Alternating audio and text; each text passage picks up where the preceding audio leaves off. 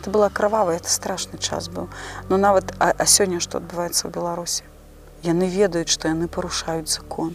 Ладно тады не было недасведчаныя людзі былі не можна было пачытаць не было ніякай альтэрнатывы лінія партыі толькі была. Но сёння яны іх будуць пазбаўляцца ад іх будуць пазбаўляцца як ад сведкаў Беларусь перажыла не самыя казачныя часы хаця ў нас захаваліся міты і легенды які перадавалі з вусна ў вуснай нашыя продкі гэта наша скарбніца але для таго каб яна захавалася нават у такім выглядзе загінула шмат людзей. Сёння мы пагутарым пра самую чорную ноч. Па трагічнасці гэтая падзея ў гісторыі Беларусі можа канкураваць хіба што з 11 верасня ў Амерыцы. Ноч, калі ўлады як быццам крывавыя цмокі пазбаўляліся ад тых, каго не маглі сабе падпарадкаваць.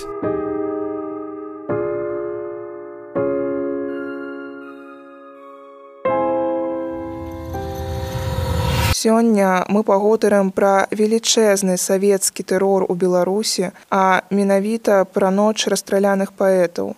Па-першае, што такое ноч расстраляных паэтаў і чаму яна так завецца? Ну гэта наша боль, наша трагедыя. Ноч расстраляных паэтаў гэта трагедыі Беларусі. Калі па сфабрыкаваным абвінавачанням сабралі беларускую інтэлігенцыю, і знішчылі яе. Ноч расстраляных паэтаў гэта трагедыя беларускага народа.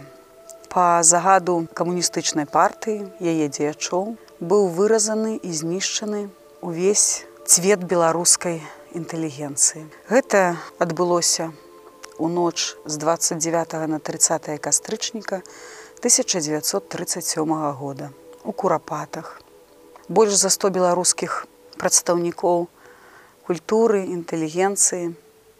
Гэта паэты, крытыкі, журналісты, пісьменнікі, настаўнікі, міністры, прэзідыум акадэміі наук, рэктарат БГУ.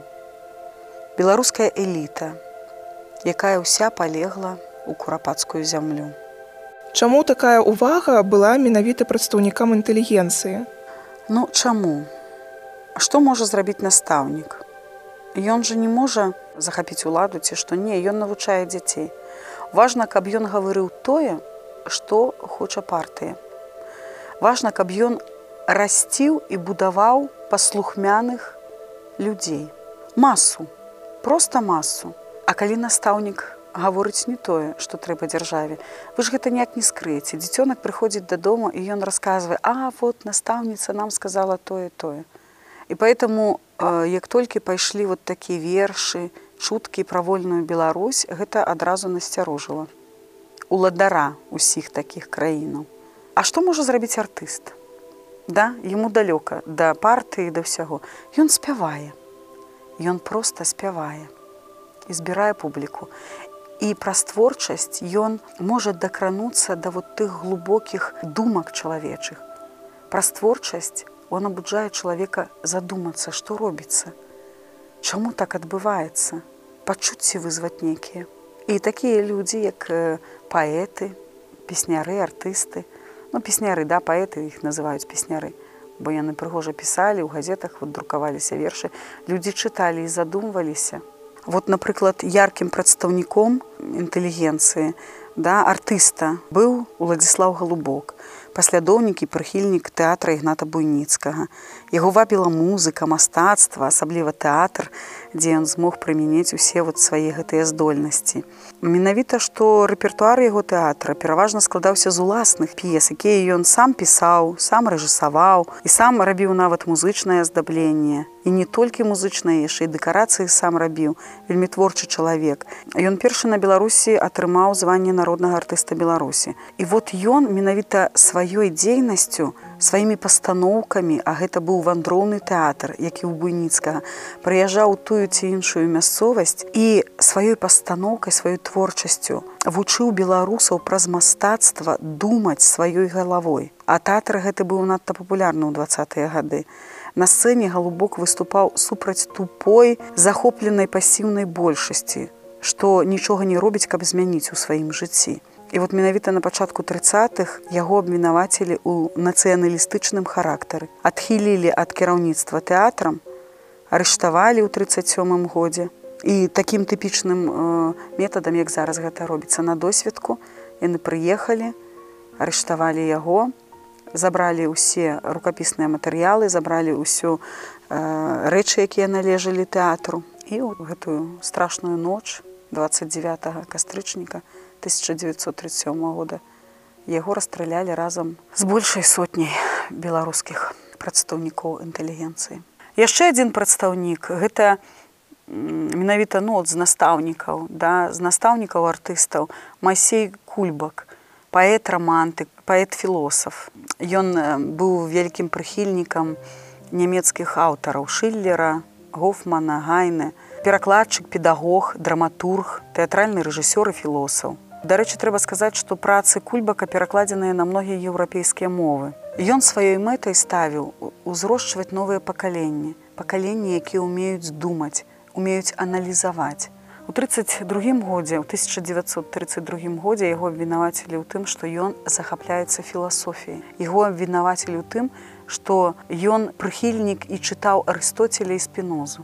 Працуючы Майсей Кульбак спецыяльна называў сябе пісьменнікам сярэдняком, каб адцягнуць ад сябе ўвагу. Працаваў у акадэміі навук на такой сціплай пасадзе у габрэйскім сектары арыштаваны 11 верасня 1937 года і расстраляны в эту страшную ноч зараз сабакі лукашэнкі перавяраюць каб не было ніякіх падпісак і нават прыдумалі цэлы спіс забароненых каналаў А што лічылася забароненым тады бачыце вот я уже цытавала что нават э, труды арыстоцеля спінозу нельга было чытаць нельга было быць прыхільнікам э, нямецкай класікі сёння што адбываецца сёння нельга слухаць праўду трэба зрабіць усё дзеля таго каб ты не мог крытычна думаць мысленне крытычнага пазбавіць людзей. Вот каб ты як робот рабіў тое што табе скажуць. Вот сказалі сёння як там у рассіі бамбас 8 гадоў. Вот яны як тыя папугаі паўтараюць бамбас 8 гадоў. Яны не могуць аналізаваць. Так і тады нельга было чытаць нельга было ўвогуле думаць можна было толькі працаваць у калгасе і крычаць вот на гэтых я не ведаю штыльнымі радамі хадзіць і крычаць слава кпсс ці каму там ці слава сталіну 37 год страшны год. Ці рэпрэсіравалі дзяцей так дзяцей рэпрэсавалі адзін з такіх страшных выпадкаў это адзін толькі з такіх страшных выпадкаў Я думаю што яшчэ яны былі гэта вучань сёмага класа з вёскі анонічы крычаўскага раёна магілёўскай вобласці. Звалі яго ягор калбеяў. Вот у 1937 годзе ён напісаў верш і называўся верш песня мужика і паслаў гэты верш у газету звязда Ён спадзяваўся, што верш надрукуюць і што калі яго надрукуюць, дык яго прачытае уладар дзяржавы. Да? Ён яго называў галоўны ўлады. За гэты верш вучань сёмага класа Ягор калбеяў, а таксама яго бацька і два суседа былі арыштаваныя за тое, што слухалі гэты верш і не данеслі. Яны загінулі ў лагерах у сталінскіх А дамоў ужо пасля вайны вярнуўся толькі адзін з гэтых вот усіх арыштаваных. Это быў бацька Ягора Калбеева і Яўхім Калбею. Дарэчы, каму цікава, можаце зайсці на радыё свабода і паглядзець ноч расстраляных паэтаў. Цудоўна зроблены два фільмы. Першы у 2020 годзе калі яшчэ можна было ў курапатах запісаць потым безумоўна усе там многія былі рэпрэсаваныя і 2021 год гэта ўжо ў запісы і менавіта здаецца ў 2020 годзе там расказвае прадстаўнік настаўніца да пра рэпрэсаваных настаўнікаў і вот як вучань малады напісаў дзіцёнак сёмы клас колькі это гадоў 12 13 знішчылі як увогуле гучалі абвінавачванні за якія людзі былі рэпрэсіраваны? Гэта канешне вельмі цікавае пытанне. Яны гучалі роўна так як сёння гучаць усе прысуды рэжыму лукашанкі напрыклад шпіянаж на карысць польшчы антыпартыйная дзейнасць антысавецкая дзейнасць. Абвінавачваліся па сфабрыкаваных справах нацыянал-фашысцкіх арганізацый. Адных судзілі як арганізатараў другіх як э, саўдзельнікаў. Вельмі цікава, як гучыць прысуд прымаў удзел у падрыхтоўцы тэрарыстычнага акту над адным з прадстаўнікоў кіраўнічай улады. Вот. Усё тое ж самае, як і гучыць сёння. Усе гэтыя прысуды, усе гэтыя абвінавачанні. Калі даследаваць гэтыя гістарычныя здарэнні, то першае, да чаго цягнецца рука, гэта пашукаць прыказ, хто яго падпісаў, хто выконваў, ці ёсць які-небудзь дакумент датычны гэтых падзей. Каб падвесці пад забойства такую колькасць людзей, трэба быў нейкі загад сёння кажучы сённяшнімі словамі дэкрэт прэзідэнта да? а тады гэта быў загад аператыўны загад нквд нумар 00447 по якому тысячамі просто тысячамі расстрэльвалі людзей даведка Аператыўны прыказ НКВД ССР нумар 00447. Аб аперацыі па рэпрэсаванні былых кулакоў, крымінальнікаў і іншых антысавецкіх элементаў. 30 ліпеня 1937 года. Грыф цалкам сакрэтна. Згодна частцы другой аб мерах пакарання рэпрэсіраваным і колькасці падлеглых рэпрэсіі, У беларускай ССР планавалася расстраляць 2000 чалавек, адправіць у лагеры 10 тысяч чалавек. Аперацыя была разлічана на 4 месяцы. На кожную рэспубліку, край або вобласць былі назначаны тройкі, якія сачылі за выкананнем аперацыі. Прыказ падпісаў народны камісар унутраных спраў Саюза ССР, генеральны камісар дзяржаўнай бяспекі Мікалай Яжоў.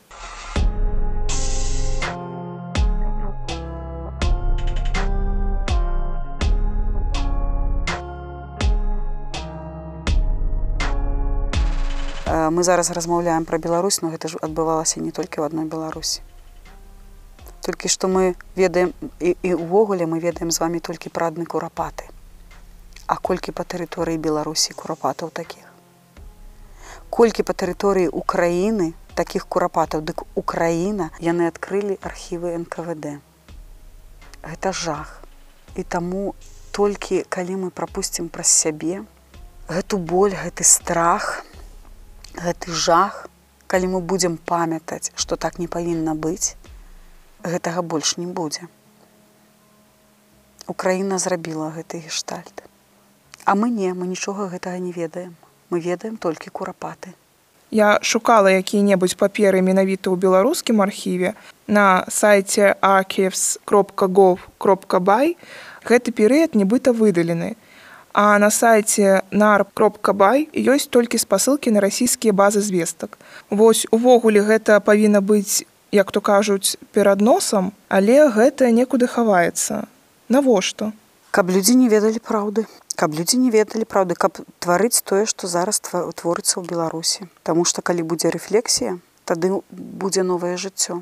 Пакуль гэтай рэфлексіі не адбылося, пакуль мы не памянулі, пакуль мы не перажывем вот гэта, пакуль мы ўсёй нацыі не пакаемся, не пакараем злачынцаў, не адпяем тых людзей, нічога не будзе добрага для Беларусі. Мы будзем хадзіць па коле. Вот так вот хадзіць па коле і праз нейкі час зноў будзе вот гэты збой і зноў мы пойдзем. Ну глядзіце зараз 2020 2022 год. Што адбываецца? У нас адбываецца 37 год. Рэпрэсіі тыя ж самыя прадстаўнікі вось гэтых троек што былі адказныя за рэпрэсіі таксама расстрэльваліся. Атрымліваецца лада пазбаўлялася нават іх. Той хто судзіў і той хто выконваў. Яны зналі што яны парушаюць закон. Можа яны верылі ведь наши ж паэты таксама тыя людзі расстраляны рэпрэсаваныя. І рэктарат і прэзідыум акадэміі навук яны ж таксама верылі ў той у бальшавікоў. Так і тыя тройкі. Яны калі расстрэльвалі мне здаецца што яны ведалі што яны робяць. І паколькі яны былі злачынцамі трэба было злачынцаў пакараць. Трэба было пазбавіцца сведкаў. Это была кровавая это страшны час быў. Но нават а, а сёння што адбываецца ў беларусі? Яны ведаюць што яны парушаюць закон ладно тады не было недасведчаныя людзі былі не можна было пачытаць не было ніякай альтэрнатывы. Лінія партыі толькі была. Но сёння. Яны іх будуць пазбаўляцца ад іх будуць пазбаўляцца як ад сведкаў Зараз губопік патрабуе, каб людзі на камеру каяліся, записываюць так званае пакаяльнае відэо. Ці была магчымасць тады не быць згвалтаваным? Што трэба было зрабіць для таго, каб да цябе не прыйшлі? Да, тады за- запісаць відэо пакаяльнае нельга было.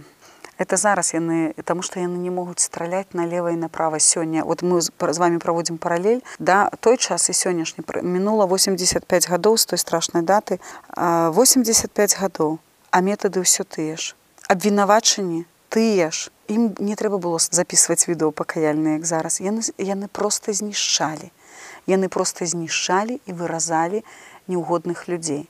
Навошта ім каб адна аўца ведаеце кажуць ёсць такая прыказка ложка дзёгцю сапсавала бочку з мёдам дык вот гэтыя адзінкі людзей якія маглі думаць якія прагналі э, светлай шчырай прыгожай беларусі вольнай беларусі усіх трэба было знішчаць усіх хто мог толькі падумаць пра гэта Ад чаго яшчэ пазбаўляліся ў тыя часы? Ці магло быць так, што сярод рукапісаў і твораў былі не апублікаваныя нідзе творы? Я думаю, што было згублена і знішчана вельмі шмат з яго.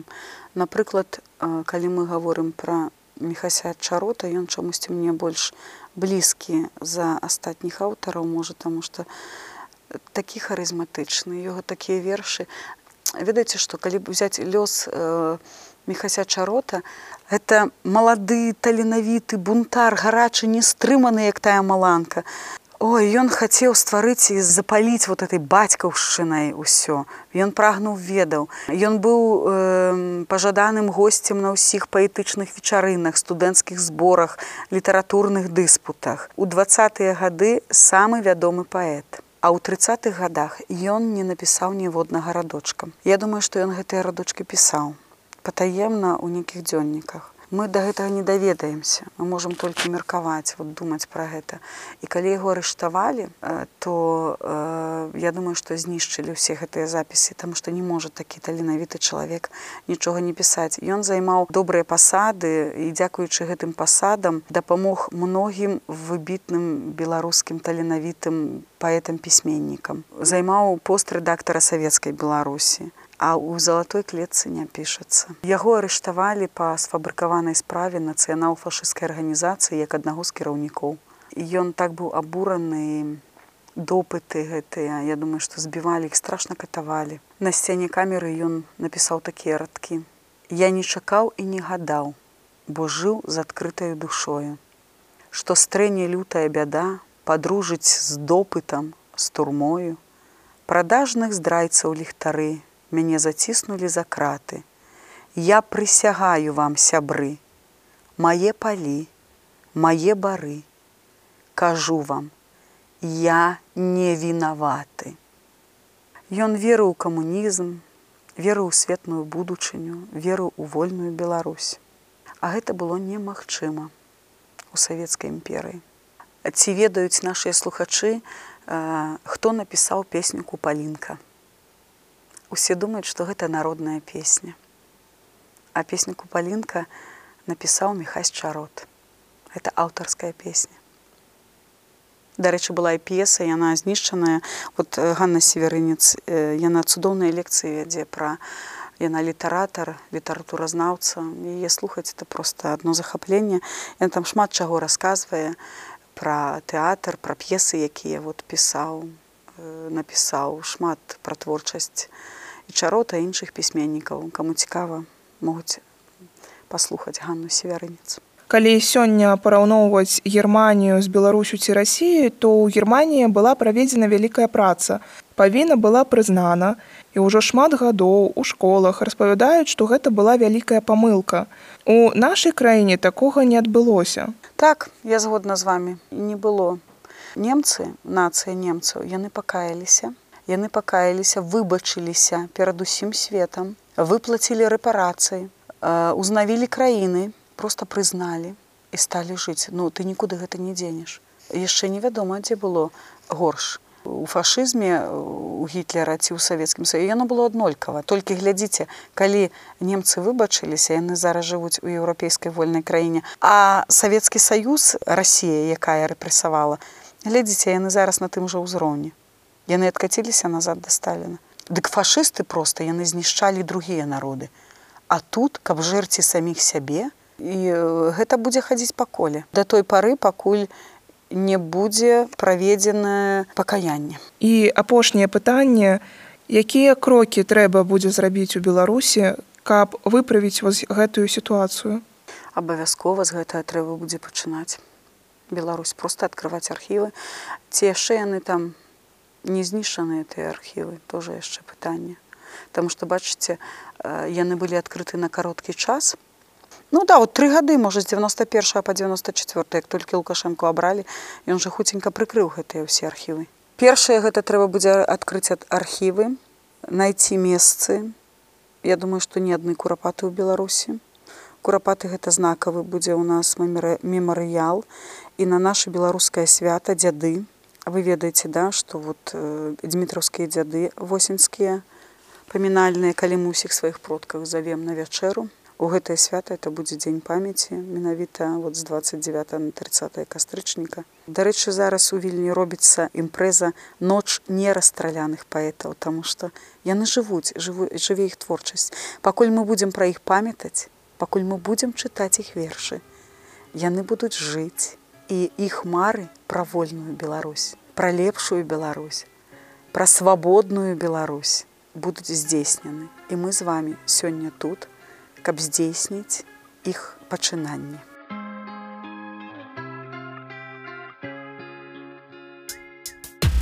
Беларусі ФМ таксама застаецца тут.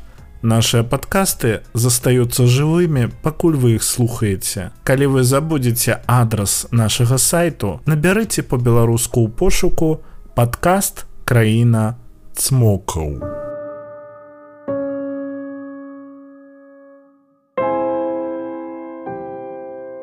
Але як заўсёды, нібыта ў фільме Марвел пра цмокаў ці супергерояў гэта яшчэ не ўсё.